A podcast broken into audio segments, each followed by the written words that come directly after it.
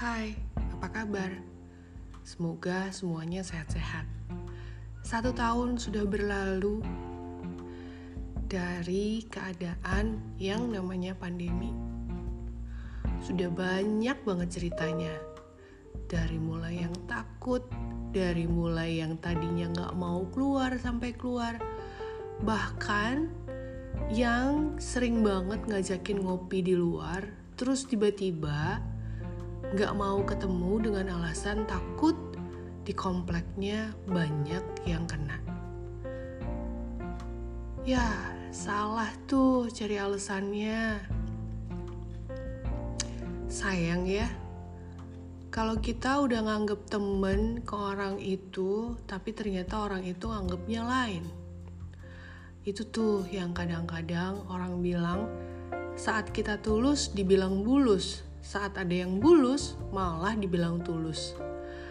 Akhirnya ngerasain juga makna dari kalimat itu. Udah berapa kali? Kayaknya sih tanpa disadari udah berkali-kali. Tapi mungkin gak kapok.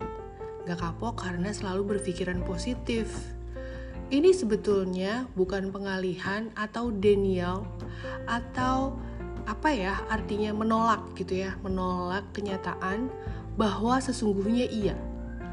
Tapi kalau versi aku kalau aku iya udah dari dulu.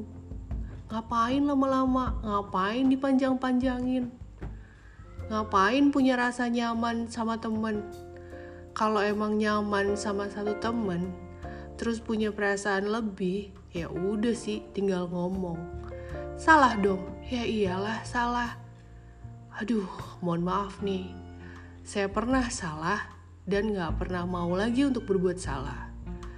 Saya tipikal orang yang kalau udah jatuh itu gak mau jatuh lagi. Walaupun kelihatannya mungkin biasa aja. Sampai-sampai dibilang berlebihan kayaknya gak make sense juga sih. Selama itu gitu loh. Berlebihan di mananya juga agak bingung. Atau mungkin punya perasaan yang lebih. Makanya mencurigai dan memfonis itu berlebihan. Sebenarnya kalau ngomongin berlebihan belum sih. Berlebihan itu Misal ya, ya itu tadi mengutarakan perasaan, mendingan sekalian kayak gitu. Tapi sayangnya aku gak pernah punya rasa seperti itu. Gak pernah punya perasaan. Ya, oke okay lah kalau begitu. Cukup tahu dan ya udah kalau kalimat yang sekarang nih ada istilah yang namanya lu jual gue beli.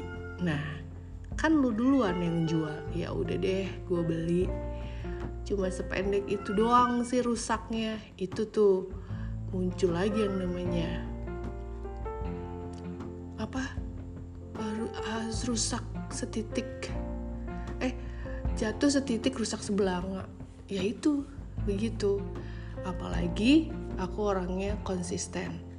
Saya adalah seseorang yang selalu memegang komitmen untuk mengatakan sesuatu, dan saya adalah manusia yang tidak suka jika ada orang yang mengkhianati konsistensi dan komitmen. Ada satu konsistensi dan komitmen yang masih bisa saya anulir, yaitu kegagalan untuk konsisten diet atau mengatur pola makan. Karena sesungguhnya saya sendiri pun selalu lemah di depan mie ayam.